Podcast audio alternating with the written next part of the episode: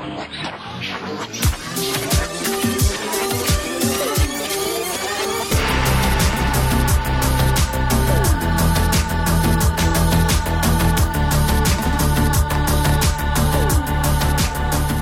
I dag er det et, eh, hva skal jeg si, et popikon på besøk her i studio. Så jeg må samle meg litt, for jeg syns det er veldig kult å ha selveste Bertine Zetlitz her med meg i dag. Velkommen til Popstagi. Tusen takk, hyggelig intro. Ja, det er så mye jeg kan si om deg, føler jeg. For du har vært med på en måte å forme så mye av popmusikken i Norge og vært litt sånn banebrytende, syns jeg. da. Gjort så mye kult og litt sånn annerledes. Ja. Så det, det skal du virkelig ha. Jeg føler du har vært med å skape veldig din egen sound. Å, så nydelig. Jeg tar det innover meg. Jeg gjør det. Jeg vil liksom alltid begynne å bygge opp gjestene, og så Ja. rive dem med. ned. ja. Er det triks? Hva mener du? Nei, men det er bra. Nei, men det er sant. Du har jo gjort så mye. Du har vunnet masse fire Spellemanns, gitt ut masse album og bare gitt ut så store hits. Og jeg har jo, vi har møttes en gang før, så vidt, som jeg sendte deg på mail. Veldig gøy. Et bilde av eh, oss for mange år siden. Nå glemmer jeg litt, kanskje sånn 2003-2004. Ja. Da du var med på Venn, den veldedighetssangen Ja. med Lene Marin, Espen Lind og den gjengen der. Ja. Og jeg var så heldig å ha arbeidsuken min i NRK den uken der, hvor hele Artist-Norge samlet oh, på først og sist. Så jeg løp jo backstage og var helt vill. Hvor gammel var du da? Jeg var 13, tror Ja. Så Hadde akkurat kjøpt meg ny genser som jeg har da på alle de bildene. Som jeg er veldig, veldig stolt av. ja, men Så gøy, så du var med en venn, ja. Nettopp. Ja, hvordan, eh, hvordan ble du med på den? Husker du det? Var det sånn Eh, altså, det var jo noe Det var jo vel alle Alle var jo med på det der. Ja. Ehm, og det var jo Jeg endte opp med Altså, jeg har fått så mye tyn for den linja. Og jeg, jeg kan være din venn. Det var det eneste jeg fikk lov å synge. Eh, så hele turneen, så jeg husker det var sånn der du kunne stemme fram på en sånn musikkanal hvor du stemte, stemte på hvert nachspiel etter konserter. Så stemte alle folka jeg spilte med, fram den bare for å kunne le av meg når jeg sang den der ene lille patetiske linja. Men du fikk en egen linje, da. Det er Ja, mange som ikke hadde det engang. Ja, det er sant. Så det er jo ære. For skams skyld. Ja.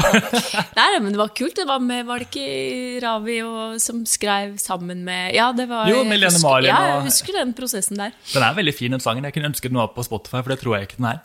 Nei, nei, kanskje Siste ikke det. altså. Det er jo alltid Det var jo et veldig godt eh, initiativ, og, og det er jo gode tanker bak det, men det Mm. blir alltid litt svett med sånne We Are The World-sanger, altså. Ja, jeg ser den. Ja. Men eh, bare sånn om deg i dag. Hvordan har du hatt det siste året? Har du på en måte har koronaen den tiden fått deg til å bli veldig kreativ og skrive masse musikk? Eller hvordan har du taklet denne situasjonen?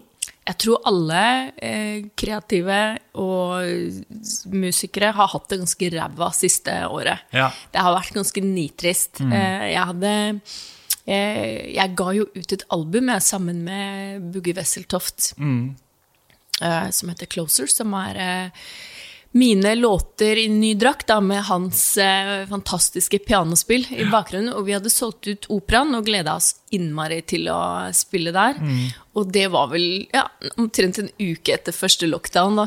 Åh, så uflaks. Ja, og da ga vi ut det albumet, og fikk veldig hyggelige tilbakemeldinger på det. Men det var noe med at sant? Det, var jo, det var som å trekke ut proppen av alles badekar. ikke sant? Eh, og så hadde man jo gleda seg til å spille mer, og vi har fått spilt én gang i Hamar kulturhus. Det var jo helt nydelig. ikke sant? Og da gjorde dere på en måte det showet dere skulle gjort i operaen? ja, vi gjorde det. Eh, og for eh, da, da var det jo lov den gangen med 200 stykker. Ja. Og folk kom en time for tidlig, ikke sant? bare for å kunne sitte i salen og føle at de var på konsert igjen. ikke sant? Så hyggelig at dere faktisk gjorde det og ga folk den gleden. da. Ja, det var kjempefint, eh, og derfor nesten enda vondere, fordi eh, nå vet jeg hvor godt det funker med oss på scenen. Ja. Men anyway, eh, så jo, ja, jeg har, jeg har skrevet mer. Jeg, jeg har det, og jeg tror alle har gjort det. Jeg har vært i, i studio, vært veldig gøy. Jeg fikk lov å skrive litt låter med og for Julie Bergan. Oi!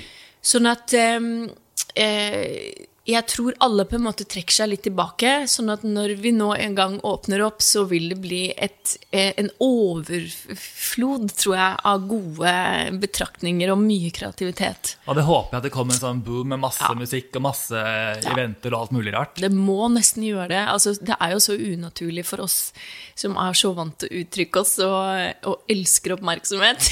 Ja, det skjønner jeg veldig godt. Å sitte på hver vår tue. Jeg fikk jo krystallsyke. Jeg tror det er en direkte følge av det.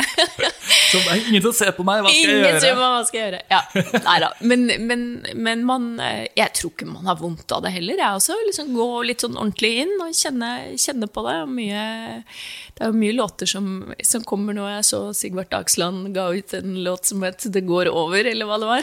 Ja, det er mye sånn musikk som handler om den situasjonen her, så klart. Ja, og jeg merker at jeg har ikke noe lyst til å skrive om denne situasjonen. Jeg har Nei. ikke det. Jeg har ikke det. Jeg har lyst til å, Om jeg skal skrive, så har jeg lyst til å late som ingenting. Mm.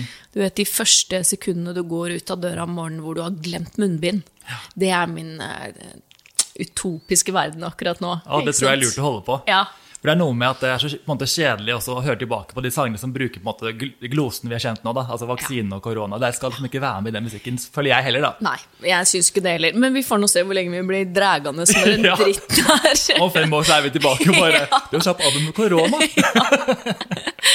Ja da. Nei, vi håper på noe annet enn det. Men eh, for å gå helt tilbake til start, eh, hva var liksom første steg inn i musikkverden for deg? Sånn når skjønte du selv at du var veldig musikalsk?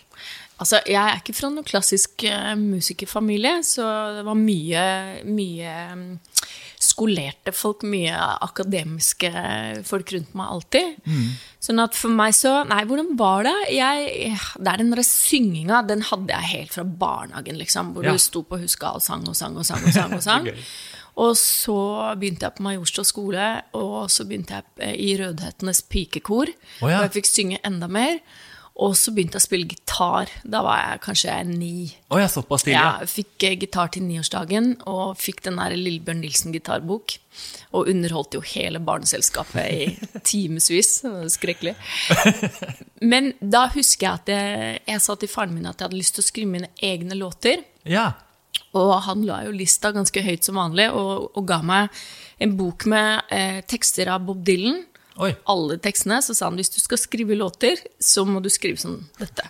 Som niåring. Ja. Og så begynte jeg å lese, lese tekstene, da. Ja. Og så fulgte jo den boka meg. Jeg husker jeg kunne jo ingen av låtene, Nei. men jeg lagde mine egne. Jeg kunne tre grep på gitaren, så jeg lagde egne melodier til hver av oh, ja. hans låter, da. Så det kunne vært sånn tribute-album. Ja, ja, ja. Ni år. Ja, det høres jo litt sånn voldsomt, øh, ut, men jeg, jeg hadde ikke noe søsken. Nei. Og vi hadde ikke noe, det var ikke noe sosiale medier på den tida. Nei, ikke sant? Så hva skulle du gjøre, ikke sant? Jeg likte å være inne. Ja. Jeg bodde i Oslo, jeg vokste opp på Frogner.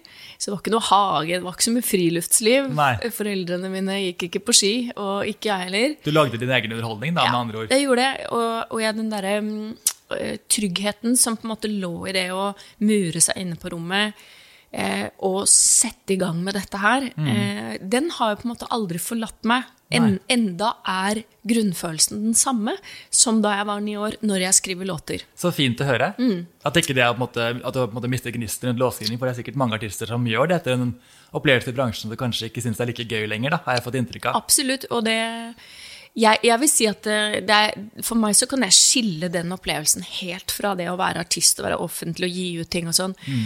det, for det er liksom utelukkende for eget velvære, da. Ja, men så fint, Det er vel det som er kjernen, og som gjør at du kan ha holdt på så lenge òg. For det er Ja. på en måte en så viktig del av deg. selve. Sannsynligvis. Ja, absolutt. Men har du en sånn, det er sikkert vanskelig å forklare, men har du en sånn prosess når sanger kommer til liv? Er det sånn du ofte både begynner med tekst, eller du ofte begynner med melodi? Har du noen sånn rutine, liksom? Det som er rart, er at du kan kjenne i kroppen din når du har Um, Når det er liv laga, liksom. For Ja. at det skal komme en låt. Okay. Eh, sånn at noen ganger så, så bare vet du at det er noe du må skrive. Ja. Eh, og det, være, det er ikke alltid at det er så tydelig hvilket tema, eller det trenger ikke å ha skjedd noe dramatisk, eller noe sånt, men det, bare, det er et eller annet sånt, det er en eller annen sånn bølge i kroppen, det er veldig rart, Som bare må ut? som må ut. Ja. Eh, og for meg da så har jeg jo jeg byttet eh, instrument fra jeg var ni til piano. Ja. Eh, så for meg så er det veldig sånn eh, naturlig da å gå ned og, og sette seg ved piano og, og egentlig bare begynne å synge og spille samtidig, og, og tekst, skrive tekst samtidig. Jeg har alltid gjort alt samtidig. Ja. Jeg har alltid tenkt at jeg har vært heldig som har hatt den musikken, for den har vært med på å løfte de gode tekstene fram. ja. Ehm, så, så på en måte for meg så er jeg Jeg er først og fremst tekstforfatter, jeg, har jeg skjønt nå etter alle disse årene. Ja. Det er der min passion ligger. Eh, og så har jeg jo pakket de inn i, i, i popmelodier fordi jeg ønsket å nå så mange som mulig. Eh, Som du er, du er med å lage melodiene også på mange av sangene, er du ikke det? Eller jo, men jeg lager alle melodiene også. Ja. Det er bare det at jeg brenner ikke så mye for dem. så, så for meg så, så har jeg ofte en sånn idé. ikke sant? Mm. Når du sitter akustisk på piano og spiller og synger, så kan det bli mye vers. Det kan være en eh, ikke sant, pre-korus. Det blir veldig omstendelig. Ofte blir låtene veldig lange. Ja. Sånn at når jeg da skal liksom raffinere dem litt, og går i studio med den jeg eventuelt velger å jobbe med der, Ja. så, begynner, så, så er det mer det. Da kan jeg høre en bit eller noe som har blitt programmert, og så kan jeg tenke den låta der, den kan jeg ta med inn i dette. Å ja. Ikke sant? Og da vet jeg jo at temaet er bra, jeg vet at teksten er bra, for jeg har fått ro på meg til å sitte akustisk og jobbe den fram. Men så tar jeg det inn i det nye universet, og bruker kanskje bare bruddstykker. ja. Så fint å bare sette det sammen når det faktisk kommer naturlig, på en måte. Ja. Og veldig ofte når du hører beats eller gjør Det er jo derfor det er så gøy å jobbe med andre, ikke sant? For de har helt andre referansepunkter og et helt annet sånt eh, musikalsk univers i seg. Og så når du da får oppleve det, så er det helt nye ting som settes i gang hos deg igjen. Ja. Som inspirerer frem og tilbake. Ja. Så plutselig så har du helt andre refrenger enn det du hadde trodd selv. Du Ja. ser hvor utrolig mange ord du har brukt hvor, eh, på den home-versjonen, ikke sant? Og at den ikke kan brukes nå. Ja, det, er det er en utrolig morsom prosess. Men for meg har det vært en veldig stor trygghet å kunne alltid begynne for meg selv hjemme. Ha liksom tema, kanskje ha noen fine linjer melodisk, og så ta det inn. Da har det aldri vært farlig for meg liksom å eh, kompromisse eller gi slipp på ting. Det tror jeg er det viktigste jeg har gjort i karrieren min. Eh, det er å alltid gi slipp på veldig mye av det jeg har laget. Ja, og stole på at de håndterer det du har laget, Ja. riktig, liksom. På den måten du vil. Ja, for det, Men det sier kanskje litt om at de albumene dine har du som regel én hovedsamarbeidspartner, har jeg fått inntrykk av. Og det er vel litt, Men da har du på en måte bytt på de første tre, fikk du en ny produsent hver gang, tror jeg. Og det er vel sikkert litt som du sier nå, da, at du fikk den nye, den nye verden inn. Ja. Så første skiva eh, gjorde jeg eh, Ja, det var jo Altså, første skiva så skrev jeg alle låtene helt selv. Ja. Altså sånn, Hadde ikke noe co-rights på det. Dette her er altså Morbid Late Night Show. Morbid Late Night Kom Show. ut i 1999, Ja. bare så alle er med her. Og da var demoen på kassett. Å ja, den var det, ja.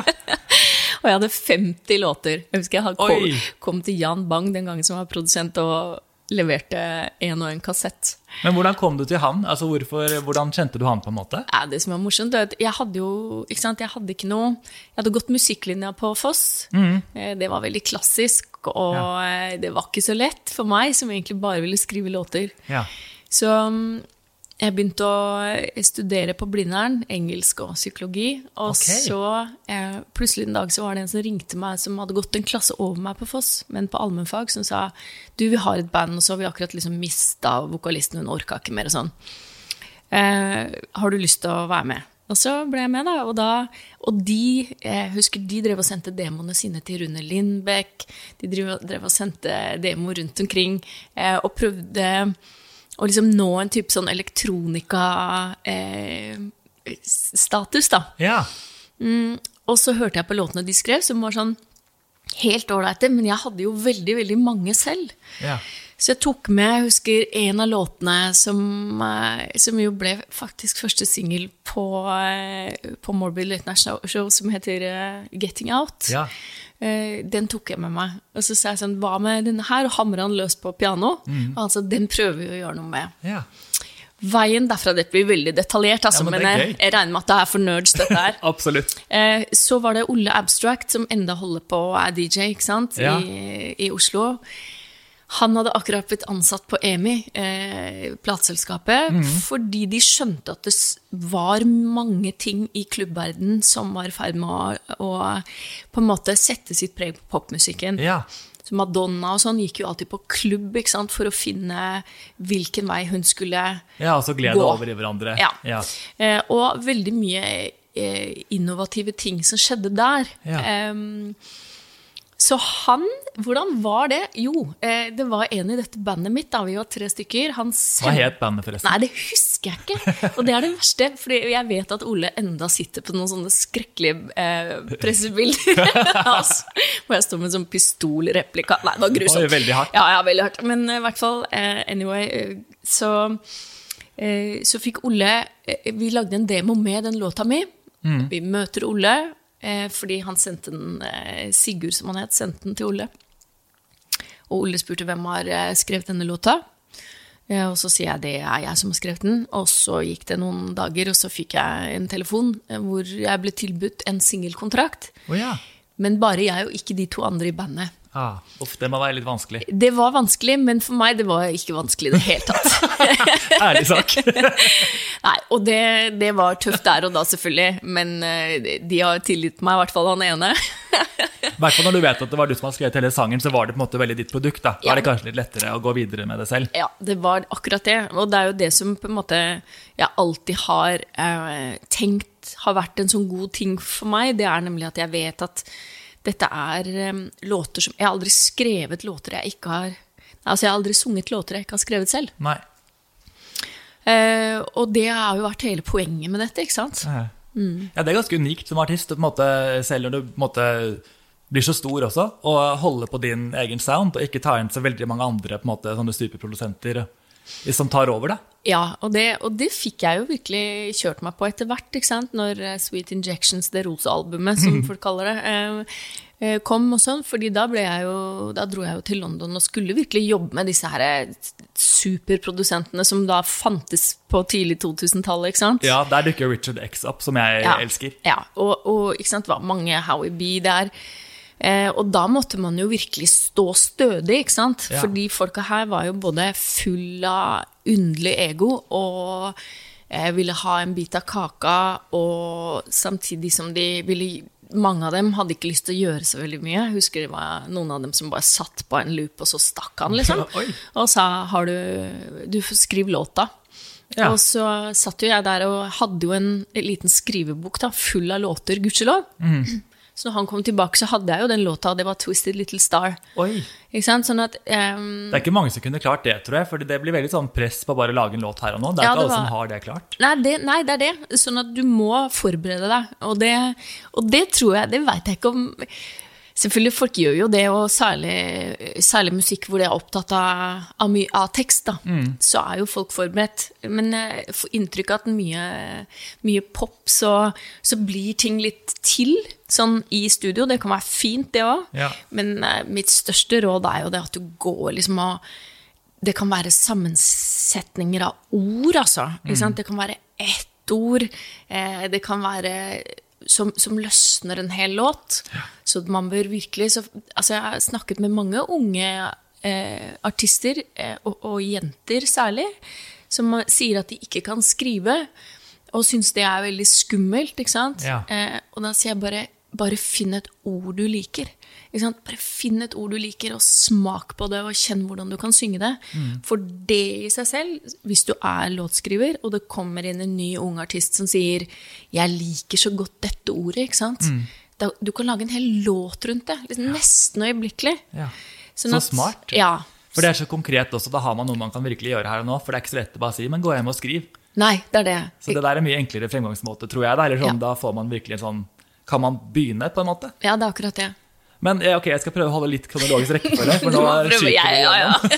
Men det er bare gøy. Eh, men altså, ditt debutalbum, Morbid Late Night Show, Ja. du ble årets nykommer, årets popartist på Spellemann. Ja. Veldig svært for det første albumet. Ja, det må ha vært helt overveldende. Ja, det var det. Så Jeg tror det var 21 eller noe sånt. Og Så sykt. Ja, det var helt koko. Men hvor, eh, hvor kommer tittelen fra, egentlig? Hva betyr det? Uh, Morbid Late Night Show Eller sånn, Jeg skjønner jo hva det betyr ordrett, liksom. Men Uh, altså, hele det albumet der var, hvis jeg skal være helt ærlig, en slags sånn uh, antitribute til E1 feilslått kjærlighetsforhold.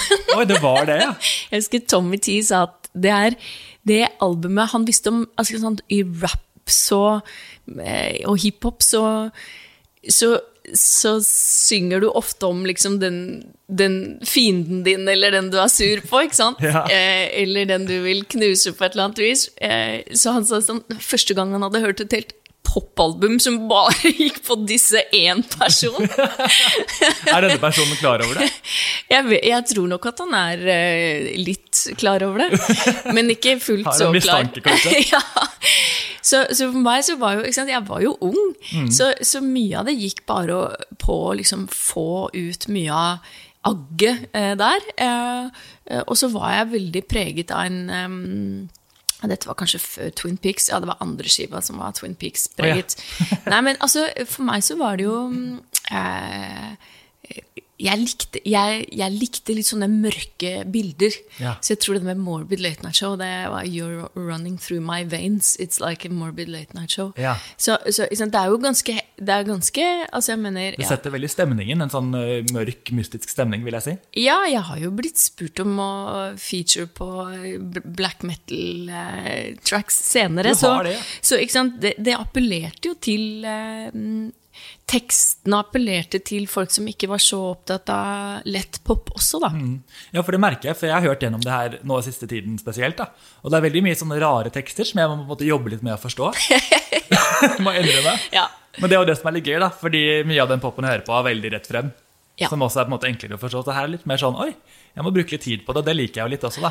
Ja, og så, samtidig som eh, ikke sant, Nå når man skriver poplåter, så er folk mye mer konkrete. Noen er så konkrete at det er sånn Jeg sto opp, jeg pussa tenner, jeg gikk ned. Ja, men det er jo litt Taylor Jeg- Swift, ja, eh, vil jeg si. Ja, og det syns jeg også er veldig sjarmerende. Jeg vil si liksom, På den tiden jeg skrev dette, så var det veldig lite sånne krav. Ja. Og det var veldig mye Litt mer abstrakt. Ja, veldig mye bilder. Ja. Og, og det har jeg jo jeg alltid likt. ikke sant? Jeg har likt den derre at du kan ja, sammenligne ting og overfører ting, og, og, og likt at, at folk får lage sin egen eh, forståelse av hva dette handler om. Ja. Men det har jo vært veldig mange morsomme tolkninger. Det kan jeg tenke meg. Og noe av det, så, noe av det er jo helt ute sånn ikke sant? Folk har jo ikke sjans til å finne ut hva det er for noe. Men sånn som på singelen, 'Apples and Diamonds', ja. den er jo Altså, den har så egen sånn rar, annerledes sound. Ja. Jeg synes det er vanskelig å plassere den sjangermessig. Ja. Det er egentlig hele albumet her. er det er på en måte sikkert popverden, men det er jo ikke noe ren pop i det hele tatt, syns jeg. da. Nei. Det er en veldig sånn litt sånn derre jazz, elektronika, pop Jeg vet ikke hva, Hvordan vil du beskrive det i dag selv, det albumet her? Jo, altså, det er jo så lenge siden Og dette er jo så knytta til en tid. Dette er jo et album som jeg, jeg vil ikke si har tålt tidens tann, men for den er jo veldig tydelig. Det var em, På den tiden var det liksom D-Sound, Jan Bang ga ut sitt eget uh, Modern Nature Cloud and Shower Show. Det var, det var et, et spesielt miljø nederst i Torgata Ja. rundt et studio som het Disclab. Okay. Uh, hvor også Kurt Nilsen begynte å spille inn etter hvert. Oh, yeah. Ja, Hans Olav Grøttheim. Det er folk som vet, de vet, altså. Mm. Espen Berg, som jo selvfølgelig nå er i SIB. Altså, Ja. Det, var, det var en sånn eh, En hard kjerne eh, med en litt ikke sant, Et ønske om å gjøre noe annet. Mm. Jeg husker ikke helt hva som har ligget før det. Det var mye sånn eh, altså Mette Hartmann og Trine Rein. Det var, det var Jeg skal ikke stemple det som glatt, men det var det. Ja. Sånn at man hadde et ønske om å på en måte gjøre noe litt annet. Tilføre en litt annen dybde eller et litt annet ja, og en perspektiv. type sånn internasjonal? Det var mer klubb som lå under der, da. Ja. Ja. I den musikkvideoen til Apples and Diamonds, den er også ganske rar.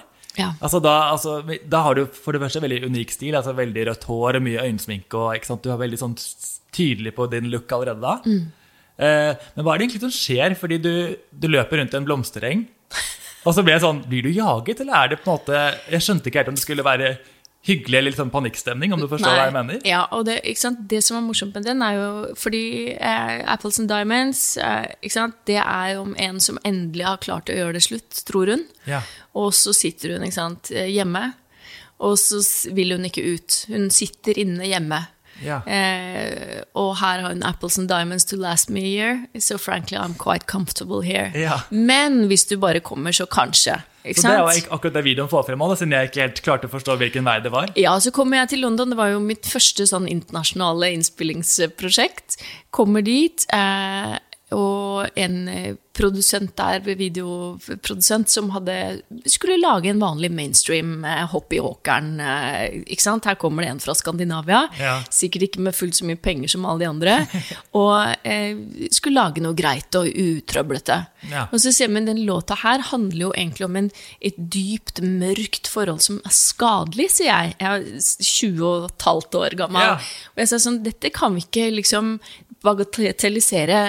Og det hadde jo en motspiller her, ikke sant? Ja. Som hun hadde valgt for han var kjekk og stilig og sånn. Og så, og så plutselig så klarte jo jeg å flippe det helt til å bli en sånn Og det var jo det jeg ønska, at det nesten er en sånn det er nesten litt sånn abusive, den videoen der. Jeg er i en trapp, han drar meg ned, ikke sant? Ja, Den har en veldig creepy Ja. vibe, vil jeg si. Og det var, så kom jeg hjem, og så husker jeg de sa var det som sa så grusomt at du ble manipulert til å liksom lage den grusomme videoen. Du bare, nei, nei. Når du egentlig kunne hoppet ubekymret rundt i eng, liksom. Men det var all your work. Det var det, og det fikk jeg så kick av, ikke sant? Her er jo dine, dine dypeste, mørkeste fantasier, Ja. og så plutselig har du et produksjonsapparat. Man kan ikke sitte likegyldig da, man må prøve å få en finger med i spillet. Men det tror jeg er veldig unikt, at du klarte å måte stå på ditt i den situasjonen der òg. For det er sikkert mange som bare Ok, jeg gjør det jeg får beskjed om. Jeg var kanskje heldig med at hun som lagde videoen, hun hørte på meg, da. Ja. Eh, For som sagt, jeg hadde jo ikke noe særlig erfaring der. Og det som var gøy med dette håret, og det her ser jeg jo på coveret på eh, Morbid Late Night Show også Jeg hadde sånne spikes, eh, mørkt hår og spikes. Folk tror også der at jeg var stylet sønder og sammen, ikke sant? ja. Men jeg så sånn ut, jeg. Jeg gikk sånn rundt i byen. Og det er så gøy å høre. Ja. At det var helt genuint. Ja, ja. Jeg brukte hårspray, Klynol hårspray, okay. og sprayet Altså, du ser jo hva slags hår jeg har, det er jo mer sånn fjær istedenfor hår. ikke sant? Og, og sprayet disse her tuttene som sto ut. Ja. Jeg dro på Adam og Eva og kjørte på med de der sinnssyke fargene som de hadde. veldig sånn knæsj. Ja. Så, så det var eh, Det jeg var klar, jeg, altså. Det er så, så gøy å vite. Eh, det er mye mer å snakke om på det albumet her, men jeg tenker vi må skynde oss gjennom, for det har gitt ut så mye. Ja, ja, ja. Eh, 2000, eh, rundt 2000 blir det årets popsolist på Spellemann. Ja. Så stort. Igjen. Du gir ut boken 'Og dagen inntil nå er god', ja, tenk. eh, som er sånn fotografier og tekster, ikke sant? Ja, som, som er små short stories til hver tekst. da, På, Ja. på da neste albumet, 'Beautiful So Far'. Og du ga ut den før albumet. Jeg, jeg tror vi dro en sånn simultanutgivelse. Ja. ja. Kult eh, gjort, egentlig. Det er sånn jeg drømmer om fra mine altså sånn, Bare ha til musikken man hører på. Ja, altså Det er noe med at det som er gøy med det altså Jeg vil jo si CD-en, eh, CD-utgivelsen var mer vellykket enn bokutgivelsen, men likevel, det er hybris. ikke sant? Det er når du er så ung Mm. eh, og tenker ja, hvorfor ikke? Hvorfor skal ikke jeg gi ut en bok Ja. samtidig? God holdning, syns jeg, da. Ja, og det, og, det, og det er som en skatt å ha vært der og fått lov å gjøre det. Ja. Virkelig, altså. Så det er virkelig sånn eh, Drit i hvordan det gikk. Det var helt fantastisk å kunne kjøre akkurat det der helt ut. Og det er veldig godt å høre at det føles sånn. Ja, ja, ja. Og den her ledet jo da eller opp, eller kom samtidig som albumet 'Beautiful So Far', Ja. 2001. Eh, albumet kom helt til andreplass på listene, så det ble jo veldig svært. Ja. Eh, her er det jo på en måte 'Adore You' som stikker ut som den som fanget veldig, den fanget veldig meg. husker Jeg Jeg var jo ganske liten på den tiden, men den var så mystisk, og på en måte den dro, drar en inn. da. ja. Eh, og den har jo altså, både mystisk tekst og video. Jeg fikk nesten litt sånn Cardigans-følelse når jeg så på videoen nå nylig. Ja, altså da, det husker jeg jo da mm, Da dro jeg Vi dro ut i skogen til eh, Sjur Milleteig og Peder Kjelsby og, og lagde en preproduksjon, som det het på den tiden. Ja. Nesten at du, du spilte inn tre-fire låter, og så skulle vi ut og prøve å finne produsent. Oh, ja. Og fordi det hadde gått så bra med første albumet, eh, som jo ingen hadde trodd, så eh, fikk jeg beskjed om bare velg hvem du Hvem vil du jobbe med? Ja. Og så, så sa jeg det jeg aner jeg ikke. Jeg aner ingen produsenter. Jeg hør på noe musikk du liker, da.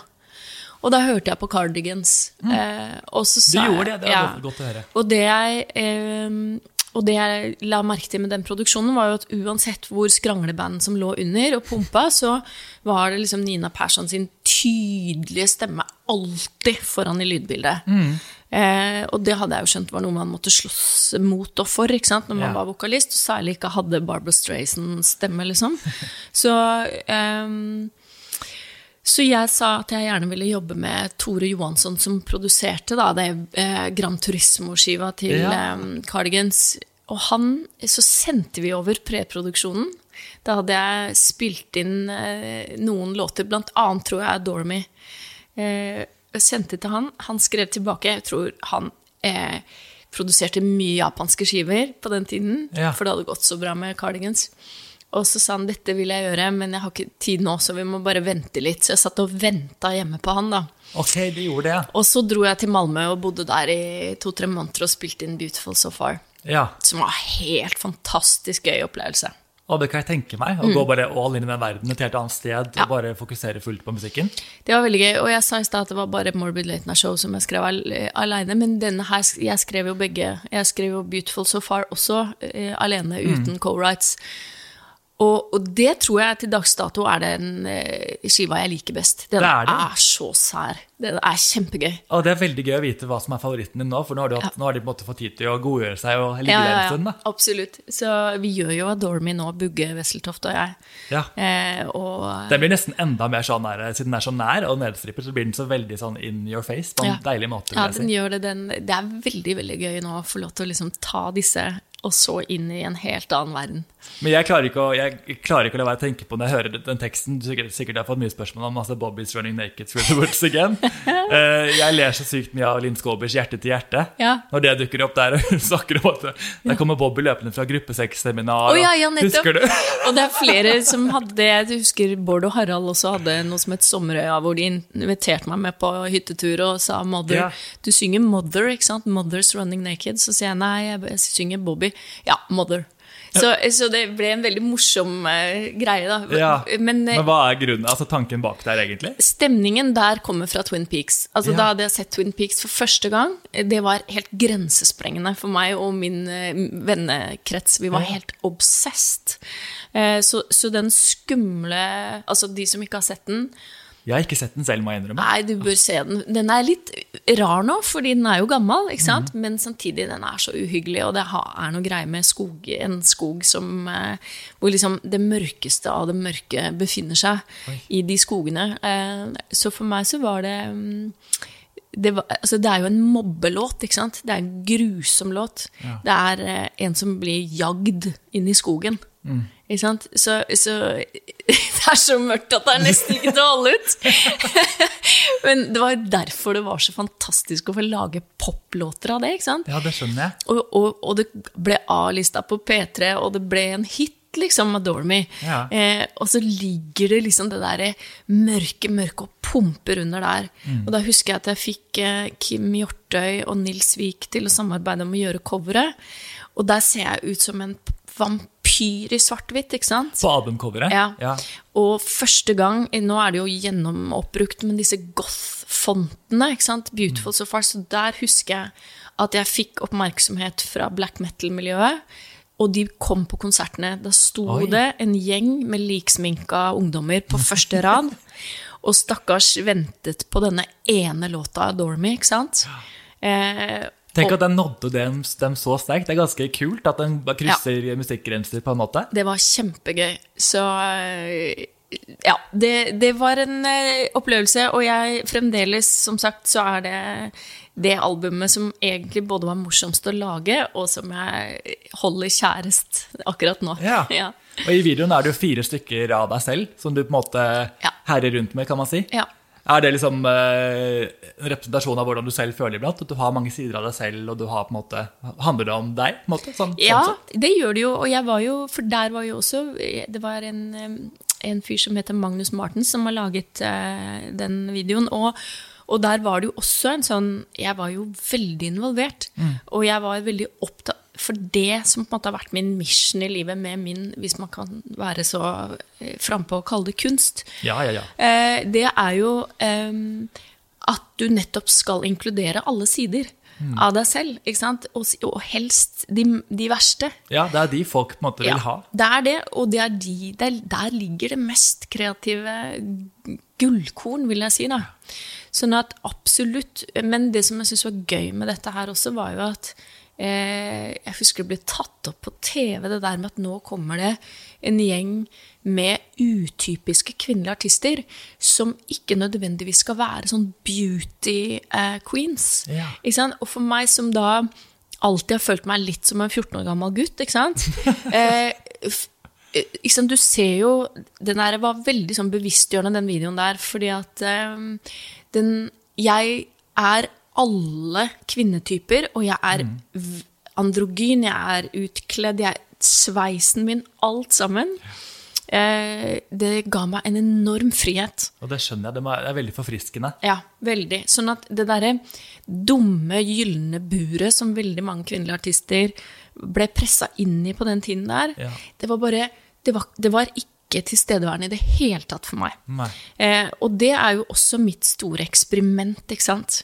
Dette med at um, Å finne på hvor langt du kan gå, hva du kan vise av motparten, eller hva mener du egentlig? Nei, å være litt sånn uskjønn, Ja. ikke sant? Eh, stilig, men uskjønn. Mhm. eh, det er rart å si det, men på den tiden var ikke det så mainstream. Nå kan du egentlig være hva du vil, og det er jo nydelig å se. Ja, Så det har jo funket. det. Ja. Man føre den veien. Ja, la oss si det. håpe det.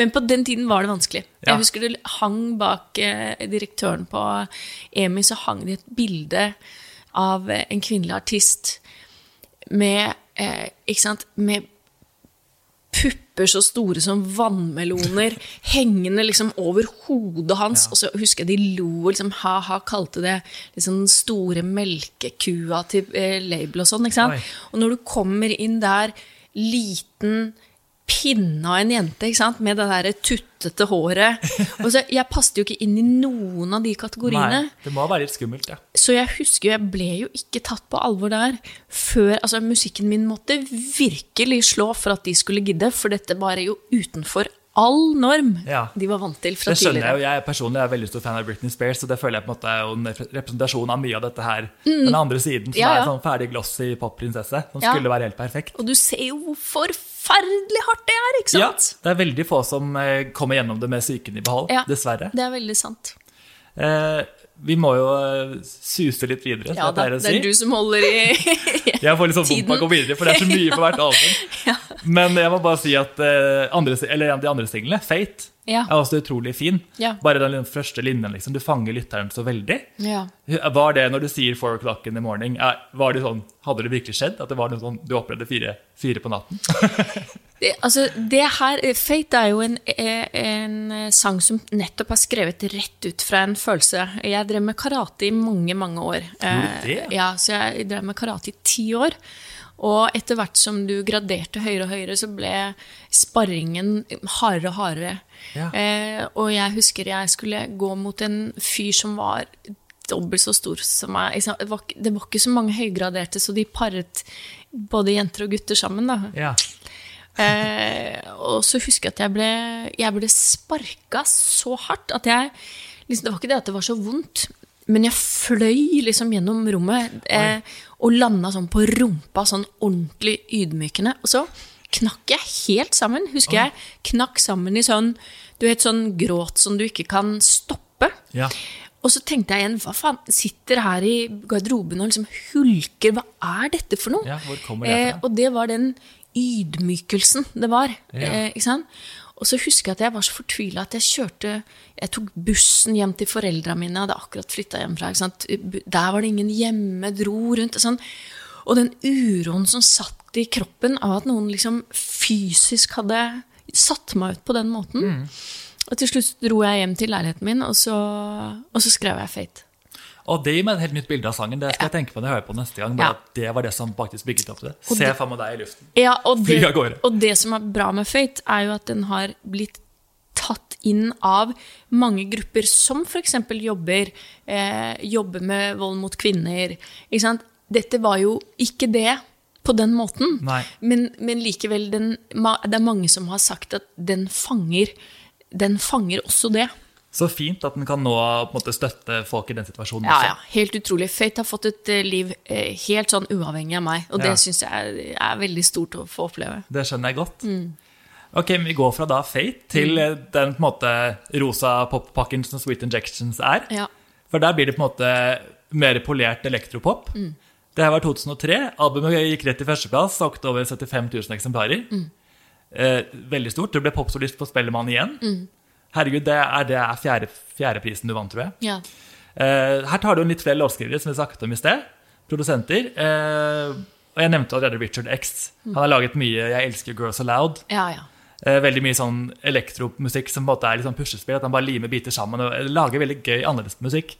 Og han har jo vært med å lage 'Girl Like You', som er eh, Jeg vet ikke om det stemmer, men den føler jeg på en måte setter standarden for hele albumet. At den liksom er en sånn, var den, lagde du den tidlig i prosessen? Ja, jeg satt, jeg gjorde det. det. Det som var sprøtt med den Altså, Nå skjønte jo plateselskapet mitt at dette her var liv laga, ikke sant? Når jeg fikk Spellemann hver gang jeg gjorde noe. Ja, Godt tegn. Eh, så nå sa de ok, greit, da var det bare å åpne kranene. Nå, kan du, nå pusher vi. Og jeg husker Amy International var involvert, og det var mye greier. ikke sant? Fordi Beautiful So Far den ga meg litt mer oppmerksomhet eh, i det store systemet i EMI. da. Ja, altså utenfor Norge òg. Ja, eh, og det var mye planer. Men da, da ble jo hele EMI sank jo, eh, og alle fikk sparken. Så det var mye planer som gikk i vasken. Dårlig timing. Sånn Ja, dårlig timing. Men alle har en sånn historie. Mm.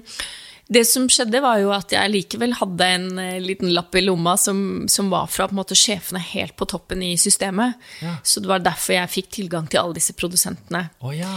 Eh, så, så det jeg skjønte der, var jo egentlig altså Det er virkelig sånn Vil du være med, så heng på, altså. Eh, det gikk eh, helt over stokk og stein. Eh, jeg, jeg var så glad for at jeg hadde den evnen til å skrive låter. Um, for det var så mye rare, eh, ukontrollerbare faktorer med. Um, det ble så hypa. Det, det var hypa lenge før det var ferdig. Og, og egentlig så er det jo i miksen denne bragden har gjort, hvor, som, som har snørt hele albumet sammen.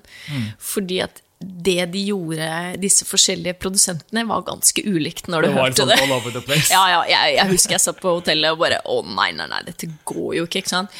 Så, så den som var mikset, jeg husker ikke hvem det kan ha vært akkurat nå, men all ære til den. Ja, det Eh, skjønner jeg. Jeg synes det er på en måte eh, Du nevnte Madonna tidligere, at hun gikk mye på klubb for å få inspirasjon. Ja. Og Girl Like You føler jeg er litt eh, forgjengeren til hennes Confessions on the Dance Floor. At det er litt sånn samme lydbilde, om du skjønner hva jeg mener? Ja, og det som var gøy med Richard X, var jo at han hadde, ikke noe, han hadde jo ikke noe studio på den tida. Så, og han bodde i en elendig del av London hvor vi ikke kom med taxi. Oh, ja. Eh, Så vi kom oss dit på et vis, og så var det liksom nede i kjelleren, og det var en sånn jordgulvkjeller, altså, hvor han hadde alle syntene sine. Koselig. Ja. Og så hadde han noen ideer, og sånn kan du ikke skrive om eh, at liksom Sverige stinker og dama. Altså, han syntes det var morsomt med sånne eh, skandinaviske intriger. Veldig Ja. weird greie. Og så begynte han med noe, og så begynte jeg å synge teksten og synge melodien oppå til Girl Like You, da. Ja. Som jeg endte opp med å måtte gå opp en etasje og synge inn på soverommet hans liksom ved siden av senga hans, mens han satt nede i kjelleren og recorda. Men jeg husker enda den gangen vi da, og da hadde jeg jobba mye med noen av de andre, kommer tilbake og skal liksom høre hvordan han har snekra sammen den. Mm. Og da tenkte jeg, når jeg hørte den der introen, du, du, du, Ja. så tenkte jeg bare å faen, liksom, dette her kommer til å bli stort. Den er så kul. Ja. Men det er så gøy å tenke på, for den er så veldig på en måte sånn eh, polert satt sammen og veldig sånn icy cool, liksom, den sangen. Og så da hører du at du spilte den på den måten. Mm, Ja. Det er en kontrast ja, Ja, til det bildet man får når man hører den. Det var så primitivt og, og veldig, veldig gøy, ikke sant? Og han var en utrolig gøyal fyr. Eh, uten noe særlig nykker på noe som helst. Så godt å høre. Han Ja. jobber litt med Annie i dag, altså norske Ja, Annie. ikke sant? Jeg liker å se at eh, begge de er aktive fortsatt. Ja, det er veldig gøy. Det er også morsomt at du på en måte i videoen er såpass bokstavelig at du sier 'I can make you get inside my car', og så Mm. ser man at du legger en mann i bagasjerommet. Ja, altså det der, den der eh, videoinnspillingen der, det er, det, det er jo noe jeg angrer litt på. For da, den, den følte jeg at jeg kasta bort. Jeg følte at der kunne jeg virkelig gjort noe gøy, og så var det helt ute å kjøre. Det var kanskje for mye snorer å ta tak i Nei, liksom, det var for sammen. mye tull. Eh, nei, det var rett og slett en sånn uheldig greie, altså.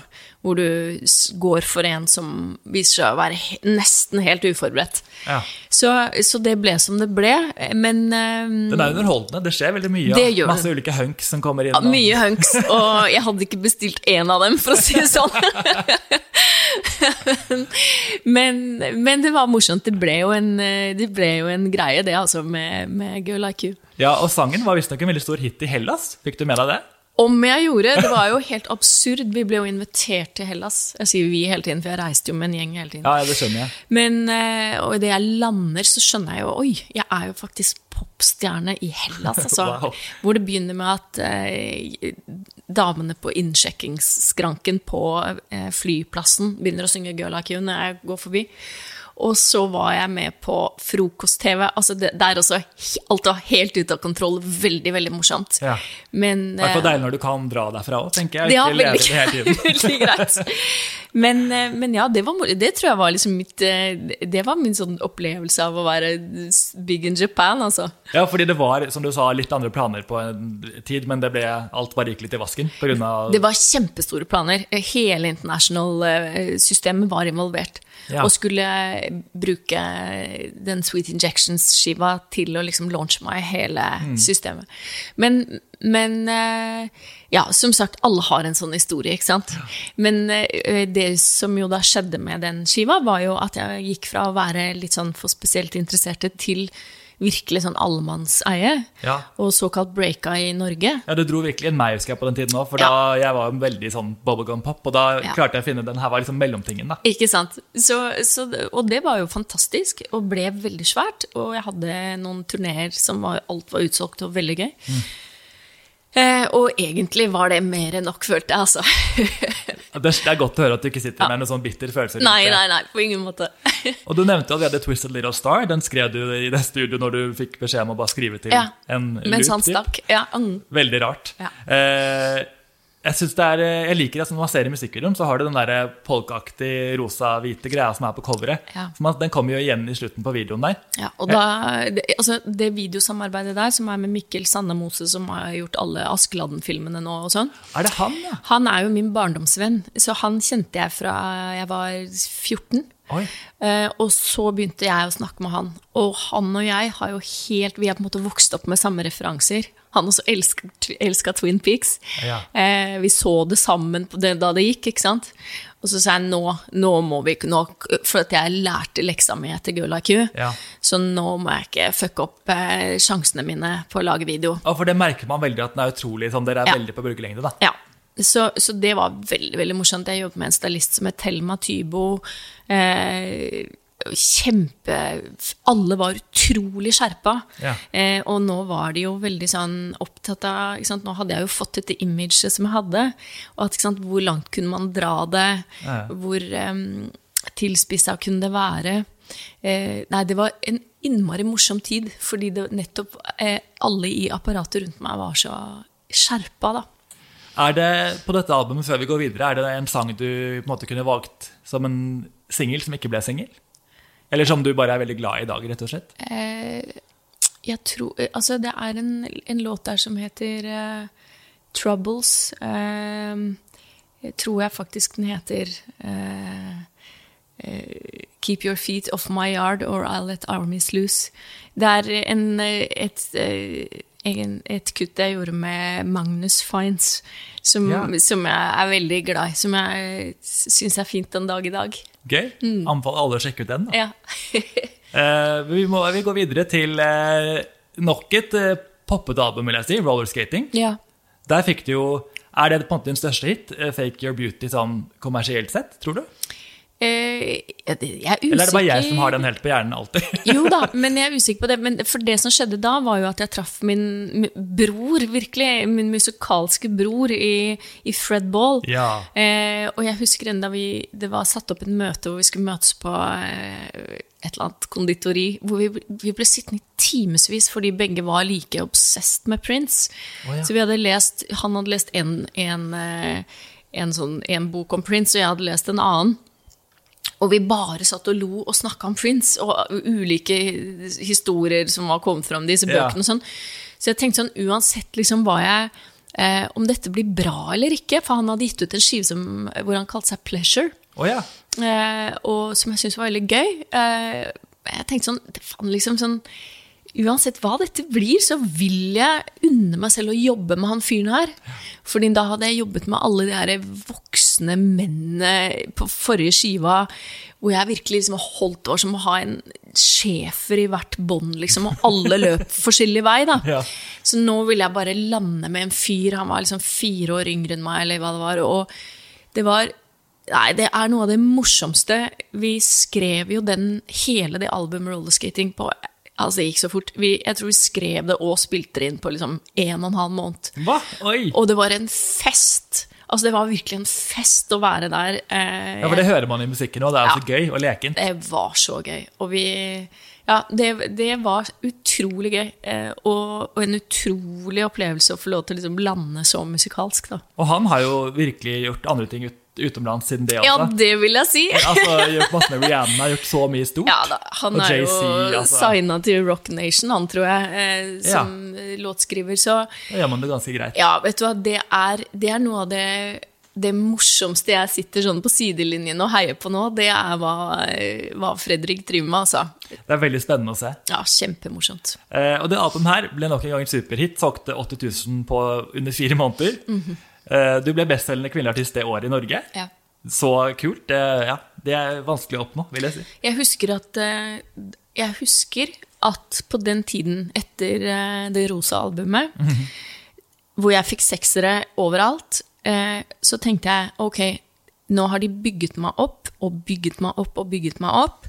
Jeg lurer på hvor lenge dette kan vare. Det husker jeg at jeg tenkte. Det er jo litt sånn popverden funker, dessverre. Ja, så da, eh, da rollerskating kom ut og fikk eh, kjempegode kritikker, da tenkte jeg nok egentlig på, i forkant at nå kommer det. Nå, Nå. kommer de til å rive meg ned.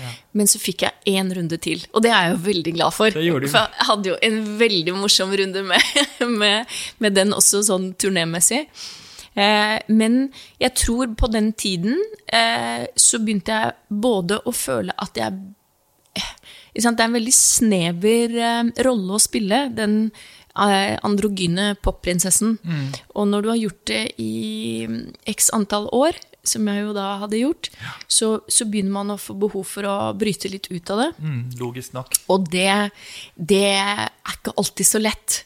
Det er ikke det. Det er vel kanskje mange som ikke helt på en du ville la deg gjøre det også? Var det vanskelig å få lov til å gjøre det du ville etter hvert hvis du ville prøve noe litt annerledes? Er det det? Det var vel mer det at jeg, jeg begynte å bli litt lei av meg selv. Jeg husker at hjemme så begynte vi å Jeg har jo hatt eh, samme mann i 150 år. Men jeg husker at eh, o, liksom navnet Bertine Zetlitz ble sagt så mye, Ja. og sto så mye på trykk, at vi, vi liksom Vi måtte lage et annet navn på meg nesten hjemme. Altså sånn et kallenavn eller et eller annet, bare som vi Sånn at vi følte at vi hadde noe som ikke alle hadde, da. Ja. Eh, for det var så det, Altså trøkket i de årene der gjennom Liksom fra eh, fra Girl Like You kom, og, og videre over i rollerskating. Det var så massivt. Men var du sammen med han helt fra første album, liksom? Ja, fra før dette skjedde. Så han har vært med på hele reisen? Alt sammen. Det har jo sikkert hjulpet deg å holde føttene litt på jorden? eller hva Det har vært helt fantastisk bra. Eh, virkelig. Og det, det har jo aldri vært noe tvil i mitt hjerte om hvorfor han er hos meg, og det er jo ikke pga. suksess. Nei. Det er ikke sånn, Nå solgte du ikke like mange album. Nå er det over. Adios, amigos.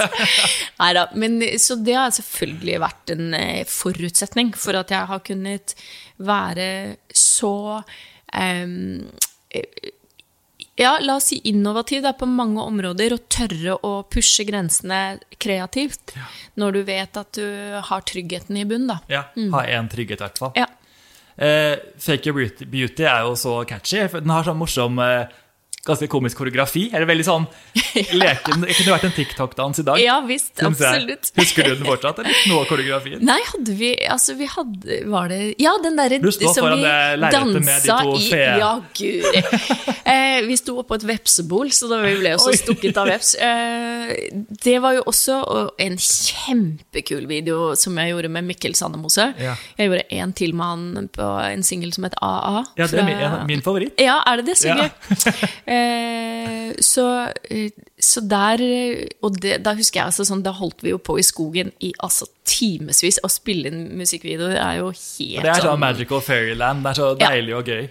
Det var veldig veldig morsomt eh, og slitsomt. Men eh, nei, den, altså, jeg har aldri vært noen danser, så det var eh, men, men det ble morsomt. Det ble, det ble liksom quirky på en kul måte, da. Det gjorde det. Mhm. Og jeg liker å se at som forrige gang så er det gjennomgående stil. Altså, du, albumcoveret antar jeg ble tatt under den videoshooten, kanskje? For Mhm. det er veldig samme look, liksom. Ja, vi gikk i hvert fall for Altså, det var morsomt. Det er en, en fyr som heter Jan Alsaker, som drev og eh, Altså, dette kan Jeg vet ikke hvordan hva det heter engang, men som liksom designet og manipulerte bilder så det ser ut som jeg danser med en type sånn slyngplantemann og? Det var mange Ja. ting. Det var veldig gøy å lage det coveret fordi du tok bilder, men så puttet du det inn i digitale, helt andre verdener, som jo da på den tiden var litt nytt, ikke sant? Um, Ja, for du har en del sånne special effects i musikkvideoen din som er litt annerledes på den tiden. spesielt. Ja, ikke sant? Eh, Og det var jo fordi eh, alle fikk lyst til å pushe grensene litt, da. Ja. Mm. Det, er en, det har jeg glemt å si, at det er en video hvor du ender med at du plutselig får farger, og så la, du frem et sånn rådyr i sånn papir. Husker du? Et sånn gult lite rådyr som går på bakken. Å, morsomt. nå. Det er den hvor alt er svart, sort-hvitt. Og så Ja, ja, ja, ja, nettopp. Det, det- en, det var My Italian Greyhound. Ja, ok, så vi kommer dit, faktisk. vi kommer dit. Det var jeg som bare Herregud. ja, ja, ja. Nei, så det, det er eh, Nei, det var morsomt. Så alle de der eh, Mikkel Sandemos-videoene var en fest å lage, altså. Ja. Og eh, AA, som alltid er gøy å si. Eh, jeg elsker at du har den lille referansen til Twisted Little Star i den låten. Jeg synes Det er så gøy når man knytter det til sitt eget verk. Du er ordentlig på, du. Ja, ja, ja. det er veldig gøy. Jeg leker ikke nerd her. Ja, det er fint. All the little twisted stars will sprinkle just for fun. Ja. Oh, så pent gjort. Eh, og jeg innså, Nå tar jeg opp nok en Madonna-referanse her, men for den låten her er så eh, måte minimalistisk og så catchy og kul. Og så kommer det eh, breaket etter refrenget, som ga meg litt Madonna Don't Tell Me. Ja. Den der, som jeg elsker, da, begge to. Og de gitarene der, de akkgitarene som på en måte ble klippet, Ja. de var jo på en måte De var jo Ja, hele Hele den da, ikke, ja, I hvert fall i fem år der, så omtrent, så var jo det en, en veldig benyttet uh, effekt, da. Ja. Og jeg liker at i videoen så er du ute på sånn slede i, ute i sneen ute Ja, på det var fjellet, kaldt. liksom. Det var veldig kaldt å spille inn. Å, guri. Men det ble, det ble morsomt. Virkelig, altså. Og det er på en måte veldig ditt image, for du er som du sier, den der, kan være på en måte en sånn iskald popprinsesse til tider. Og da er jo det veldig gøy at du er ute i ja, snødekte fjell og Ja, kjører ja. rundt. Nei, men eh, jeg syns det var eh, eh, Og den videoen er på en måte bli med på å løfte låta ytterligere, da. Mm. Så det, den er en, eh, et godt eksempel på hvordan eh, det visuelle og det, og det hørbare skal liksom jobbe i lag. Ja, jeg ber, altså Alle må gå inn og høre på den sangen for den, jeg, jeg har hatt den på hjernen i mange år. For, altså, okay. For den går bare ikke ut. Da skal jo også sies, da synger jeg sammen med en fyr som heter Kwame, som, eh, som Fred Ball jobbet veldig mye med. Ja, Så, så det er jo en slags liten duett. ja. Fun fact, det visste jeg ikke. Nei. Eh, og så er det vel egentlig rundt den tiden her at du eh, dukker opp Hjerte til hjerte, som jeg nevnte i sted, Berlin Skåber. Ja da. Det må ha vært en eh, komisk scene å spille inn, eller? Klarte du å holde deg? Ja, veldig gøy. Og, det som er gøy, er jo at folk tror jo at jeg blir veldig sånn tråkket på av henne. Ja, for du var god skuespiller. Ja, ja, ja. Så, så det er sånn uff, stakkar. Og, men men det, altså, å få lov til å liksom være med og bli tatt inn i sånne situasjoner hvor du skal late som du egentlig ikke skjønner hva som skjer, det syns jeg er morsomt å ha fått lov til å liksom oppleve noen ganger da, i løpet av karrieren. Når dere ender opp med å gi hverandre kjerringråd. Ja, ja, stemmer det. Helst eh, hun til meg. Ja, veldig gøy, Ja. altså. Mm. Jeg er veldig fan. Det er så gøy scene. Ja. Eh, ok, nå nærmer vi oss slutten. Vi må bare komme oss gjennom siste albumen her. ja, ja, ja. Eh, My Talent Greyhound, som jeg nå allerede på en måte gled litt over i. Ja. Det er der Fred Ball igjen. ja. Eh, her er singelen 500. Mhm. Første singelen. Hva er eh, historien bak den låten? Nei, det kan du si. Altså, hele den skiva der, vil jeg jo si da eh, Da hadde de jo eh, vi hadde vridd om kluten en gang til på, um, på rollerskating. Ja. Jeg husker det var noen som sa nå må dere ikke være redd for å liksom bruke penger på dette neste albumet, da, fordi den rollerskating var liksom under budsjett. Oh, ja. Ydmykt, da. Ja, veldig. Så, så bare kjør på, liksom. Frie Ja. tøyler. Så jeg tror vi ble litt sånn opptatt av at det skulle eh, Vi brukte en fyr som mastra det, som mastra Depeche Mode og veldig sånne svære ting. Ja. Sånn at det mistet Jeg vil si at den mistet litt av den derre eh, personlige, morsomme som vi hadde hatt på rollerskating. Eh, litt av den rarheten. Plutselig skulle ting være litt sånn polished. Ja. Så når jeg hører den skiva nå i ettertid, det er noe, mye av det jeg syns er fint, men noe av det syns jeg høres uferdig ut. Altså Jeg syns Ja. det er noen av låtene som jeg liksom tenker sånn Faen, dette er latskap, liksom. Her hadde vi trengt en sånn, og så en sånn, og så hadde vi vært i mål med siste refrenget. Så du kunne gjort den om i dag på en annen måte? Jeg kunne gjort den på en annen måte. Eh, samtidig så syns jeg jo skiva er veldig fin. Den ble ikke mottatt eh, helt på samme måten. Eh, det var mange ting som spilte inn der. Jeg var, eh, jeg var blitt gravid. Jeg skulle ha dattera mi Lilly, som er 14 år i dag. I- gratulerer med dagen, Jo, nei, nei, ikke sånn i dag, men, men nå i dag. Eller ja, nå, dette året. Skjønner. ja. Anyway. Eh, så så ikke sant, jeg personlig hadde veldig behov for å gjøre noe annet med livet mitt. Og det du skjønner da, er at når du har hatt et så tydelig og stramt eh, prosjekt som det jeg hadde i karrieren min, eh, både imagemessig og eh, Altså, folk kal kalte meg jo isprinsesse Ja. og var redd for meg fordi jeg var så knallhard såkalt. Ja. Um, Så, ja. og så plutselig så skal du ha baby, ikke sant? Og det er ingenting spesielt knallhardt og skarpt ved en eh, kvinne som skal ha, ha en baby. Nei, da må man jo smelte litt, liksom. Man, man gjør det, enten man vil eller ikke. Sånn at dette er jo noe som er veldig interessant for meg å se tilbake på nå. ikke sant? Fordi mange spør meg, mange eh, yngre kvinnelige popartister og artister spør hvordan du begynner å få barn nå. ikke sant? Hvordan klarte du å balansere det med karrieren din? Jeg vil si eh, ekstremt dårlig. Jeg syns at det var eh, veldig vanskelig å kombinere, rett og slett fordi jeg var en helt annen person. Så ulike roller. Så når jeg gikk inn i presse og skulle gjøre presse for det, denne skiva, eh, så ville de at jeg skulle reise meg opp og stå og holde og smile på, og holde meg rundt magen. Ja. Mens jeg ville fremdeles snakke om tekst, jeg ville snakke om sant, helt andre ting. Som er helt fair. Du er jo der for å være artist, så det skjønner jeg at du ville. Ja, ja, totalt. Det var, men det viste seg at man er ikke helt i stand til å? Det er så inngripende det å ha et barn i magen. At det er ikke menneskelig mulig, tror jeg, å liksom skille det ene fra det andre. Verken for folk utenifra eller for deg selv. Nei. Eh, så, så det syns jeg var vanskelig. Eh, fordi jeg skjønte at jeg var på vei ut av noe, eh, samtidig som jeg ønsket å holde litt på det. Og du tar jo da en, eh, på en, lengre pause fra musikken også etter dette her, så det er vel sikkert derfor? Ja, jeg tenkte at jeg aldri skulle lage musikk igjen. Oi, du var såpass. Eh, fordi at dette var så annerledes. Eh, skiva ble jo eh, slakta på en Oi. veldig, veldig stygg måte eh, av vår alles venn Thomas Talseth, som alle har en historie Ja, med, ikke sant? ja. Eh, men som gikk på veldig sånne Den kunne aldri blitt skrevet i dag. Den, eh, kritikken gikk på at jeg var, nå skulle ha barn og bli mor.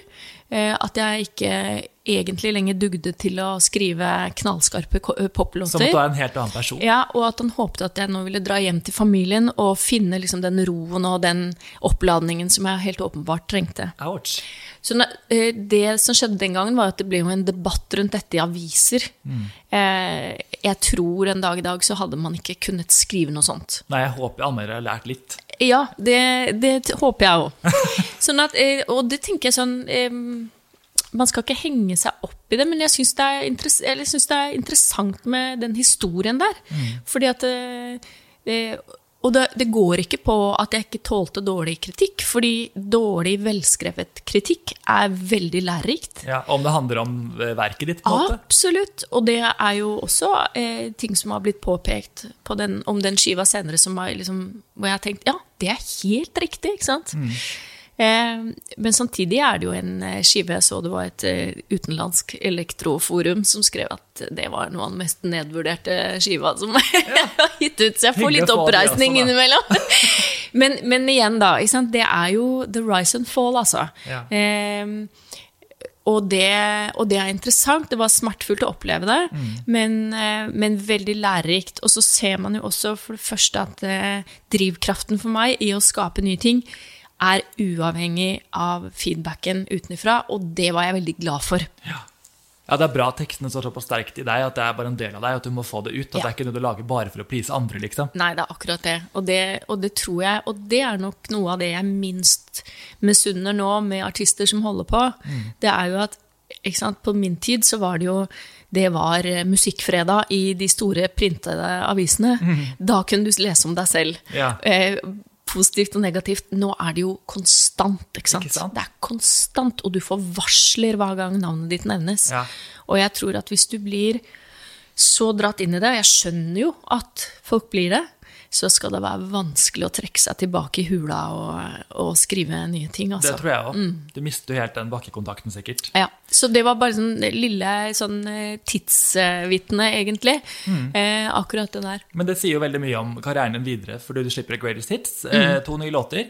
Så går det fem år før du slipper neste album, Electric Feet. Ja. Eh, det skal jeg, bare gå, jeg skal bare gå kjapt gjennom alt nå, for nå har vi på en måte passert 2010. Ja. Da er vi litt ut av nostalgien, ikke sant? ja, det er greit. Eh, men Electric Feet med Samsaya er veldig veldig catchy. Den Ja, elsker den er morsom. Veldig gøy. Og var veldig gøy å få jobbe med, med Samsaya, altså. Det skjønner jeg. Mm. Videoen er litt sånn der eh, Er det en sånn miljøstatement, eller? Den, det kan du si. Litt usikker. Jeg, det eneste jeg husker veldig godt, var at de fylte bihulene mine med rennende lakris. Ja, jeg lurte på hva det var. Ja, det var ganske smertefullt. Og- Og det vi plutselig skjønte, var kanskje at dette var ikke veien å gå, for det kom jo bare ut halvparten av det vi helte inn. Så jeg går liksom enda og nyser med litt sånn lakrisettersmak. Eh, nei, det var morsomt. Det var et eksperiment. Eh, jeg vet ikke hvor vellykket det ble, det er jeg usikker på, men, eh, men låta syns jeg er fin. Ja, helt Mm. enig. Veldig catchy. Så har du gått over til å synge på norsk. Ja. Du slapp albumet Tikamp på norsk. ja. Og du var også første, med i første sesong av Hver gang vi møtes. Mm. Jeg hadde helt glemt at det var den aller første, men det er også litt sånn banebrytende å være med på et sånt nytt konsept. For det var veldig annerledes for uh, musikkverden på den tiden. Det var kjempe, kjemperart. Jeg var jo også dommer i Idol, så jeg hadde vært involvert Ja. i TV 2. Så jeg, jeg var, hadde liksom latt garden litt eh, ned på å Mm. være med på sånne ting. Og så kom det dette nye liksom, reality-showet omtrent, som gikk på at man skulle synge hverandres sanger. Ja. Jeg fikk en uh, minidisk, eller en sånn disk jeg skulle se på fra det svenske som het Så mye bedre. Ja. Og da var Petter med, husker jeg. Eh, Hiphopartist fra Sverige. Som jeg, hvor jeg tenkte at ja, ok, hvis han kan, så kan jeg. Ja. Eh, men alle var veldig Alle var veldig skeptiske. Jeg var med, sammen med Vinni, jeg var sammen med Anne Grete Preus. Eh, vi var dritskeptiske. Under hele innspillingen også. Ja. Folk ville reise hjem. altså Du aner ikke, det er noe behind the scenes der som var altså så gøy. Og én ville hjem én dag, og én ville hjem neste dag. Og vi ser bare hvor hyggelig og Og harmonisk det er på TV. og det var Det vet jeg jo at nå har de helt andre schedules på hvordan de spiller inn, fordi at det er så krevende. Det er så intenst. Mm. Ja, det skjønner jeg. Mens for oss så var det ingenting. Det var fra syv om morgenen. Det var disse, eh, disse middagene var jo vi var jo så ute av tid, tidskode der at jeg tror middagene varte til sånn ett-halv to. Så at vi satt og grein der, det var jo ikke noe rart. For vi var var så helt utslitt. Det var eneste Og så litt på vin på toppen, liksom. Herregud, det er oppskrift på en suksess, det. Ja, ja, ja. Men, men det var jo veldig gøy å være med på, fordi vi gremmet oss jo alle sammen. Og? Jeg husker vi drev og teksta hverandre. Faen, skal du se på? Skal du se på? Har du tenkt å se på? det var helt sånn. Og så liksom bare balla det jo på seg, ikke sant. Og Ja. 'Sommerfugl i vinterland' med Vinni og Halvdan Sivertsen. Det ble kjempesvært, og det var jo veldig morsomt. Og, så når jeg da slapp em, når jeg slapp den, eh, det siste, den siste skiva som du sa, hva den het igjen? Tikamp? Nei, dette var eh, ja. den eh, My favorite greyhound? Electric Feet. Electric Feet, der ser du, man går i ball. ja, når jeg slapp Electric Feet, så, jeg, så konkurrerte jeg jo faktisk med meg selv på hver gang vi møtes. Ja, du gjorde det, ja. Ja, så, men, men veldig morsomt. Altså, Electric Feet har jeg Jeg husker nesten ikke det. er en låt som heter Get Me Out of Bed, som jeg er veldig glad i. Ellers så vanskelig for meg å huske veldig mange av de låtene. Ja, det er det. Mm. Men Tikamp var jo fantastisk gøy, for da gikk jeg Da husker jeg så Håkon Gebhardt og eh, fra, fra Motorpsycho. Ja. Han hadde et, eh, et barneband eh, som het Meg og kameraten min. Og det var egentlig en sånn barnekonsert. Jeg så han på første gang okay. og tok kontakt med han. Og så eh, skrev vi Tikamp. Og det er første gang jeg har skrevet på norsk, og også første gang egentlig jeg har sittet hjemme og skrevet rene tekster uten å ha melodi til alt. Å, det var det, ja. Jeg synes jo, eh, jeg hørte på Hoppetau blant annet i går. Den er Ja. en sånn annerledes morsom, eller den er litt sånn Ja. ja. kul, rar låt. Ja, Hoppetau er jeg veldig glad i. Den uh, syns jeg er veldig kul. Og så er det jo uh, utrolig, på samme måte da, som Fate, at På kanten har blitt en låt som har blitt brukt av uh, Kirkens Bymisjon for krisetelefoner, ikke sant? Eh, og, og flere har sunget den. Eh, flere har sunget den på TV. Ja. Har, den har fått et eget liv. Og jeg fikk lov å gå i studio med Oslo Fagottkor. Oh, ja. og, og de fikk være med på, det, på den låta. Eh, nettopp fordi den, eh, den toucher jo borti eh, veldig mye Altså kriser som unge mennesker kan ha, og som enda er vanskelig å, å takle. Eh, som å komme ut av skapet. Ja. Så, så det liksom Det har vært så fint å få lov til å liksom eh, oppleve det, og, og, og spille den låta, og også synge den senere. Det er kult å se at du er på en måte så langt inn i karrieren. Kan du fylle den med nye ting? Altså På norsk du når andre grupper med mennesker og fortsatt på en måte tilfører så mye. Ja, det har vært eh, kjempemorsomt. Det var veldig gøy å synge på norsk. Jeg tror folk ble litt forvirra. Du skal ikke synge på norsk, var det en som sa. Folk husker enda liksom de elektrotingene. Ja. Så, eh, og det er jo en sånn liten morsom pointer for meg også. ikke sant? At jeg, kanskje det hadde vært morsomt å besøke litt tilbake til det også nå, etter at jeg har gitt ut den akustiske skiva mi. Ja, for den Closer kom ut i 2019, sant? Mm.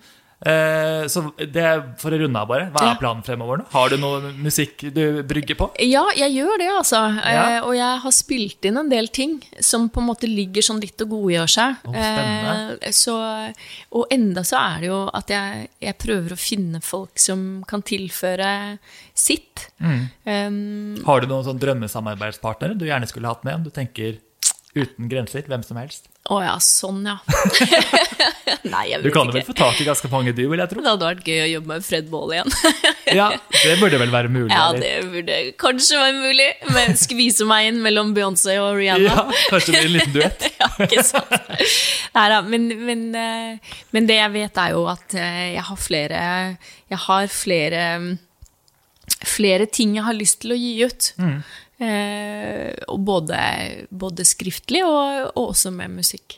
Det er veldig godt å høre for alle oss eh, Bertine-fans at det kommer mer musikk. Er det da norsk og engelsk? Har du bestemt deg for det? Jeg har ikke helt bestemt meg, men nå enn så lenge så jeg, skriver jeg litt på engelsk igjen. Ja. Så, så vi får se. Jeg har, eh, jeg har en liten gjeng som eh, jubler for det, da. Som, å, vil, som vil ut og danse igjen. Det vil jeg òg. ja, å, det vil vi alle. Men jeg tror vi skal eh, si, takke for eh, oss, fordi det her har vært en så spennende gjennomgang. Ja. Og jeg har gått, det har vært veldig kjapp gjennomgang av albumene, jeg vet det, for det er mye mer vi kunne gått i dybden på. Ja, du jeg- hører jo, jeg kan jo snakke i uendelige. Men nå eh, har vi holdt på en stund, og det har vært, jeg har lært så mye om deg. Det er veldig gøy å høre alt du har fått til på karrieren din. Det er så imponerende. Og jeg håper alle nå på en måte gjenoppliver sin Bertine-fandom, som jeg har gjort siste tiden nå. Går inn og hører på alle disse her låtene. Det er veldig hyggelig. Det er så mye gøy. Har du en, sånn, et spor du tenker sånn Sjekk ut den hvis du ikke har hørt på noe av din musikk, f.eks.? Ah, oi, oi, oi, vanskelig. Eh, nei, hva da? Tro kanskje eh, det, Kan vi ikke bare dra fram uh, Adore Me, da? Jeg tror Jo. Adore Me kanskje har, uh, har tålt tidens tann, som det heter. Enig. Den står eh, støtt. Ja. Kos dere med Bertine Zetlers musikk. Eh, Vi takker for oss. Det var så gøy at du ville høre på. Og så må du huske å sjekke ut de andre episodene. Kanskje du finner en favorittartist eller tema der. Og så blir jeg veldig glad hvis du vil gå inn og eh, legge igjen en liten femstjerners rating. Jeg vil jo helst ha toppscore. ha det bra!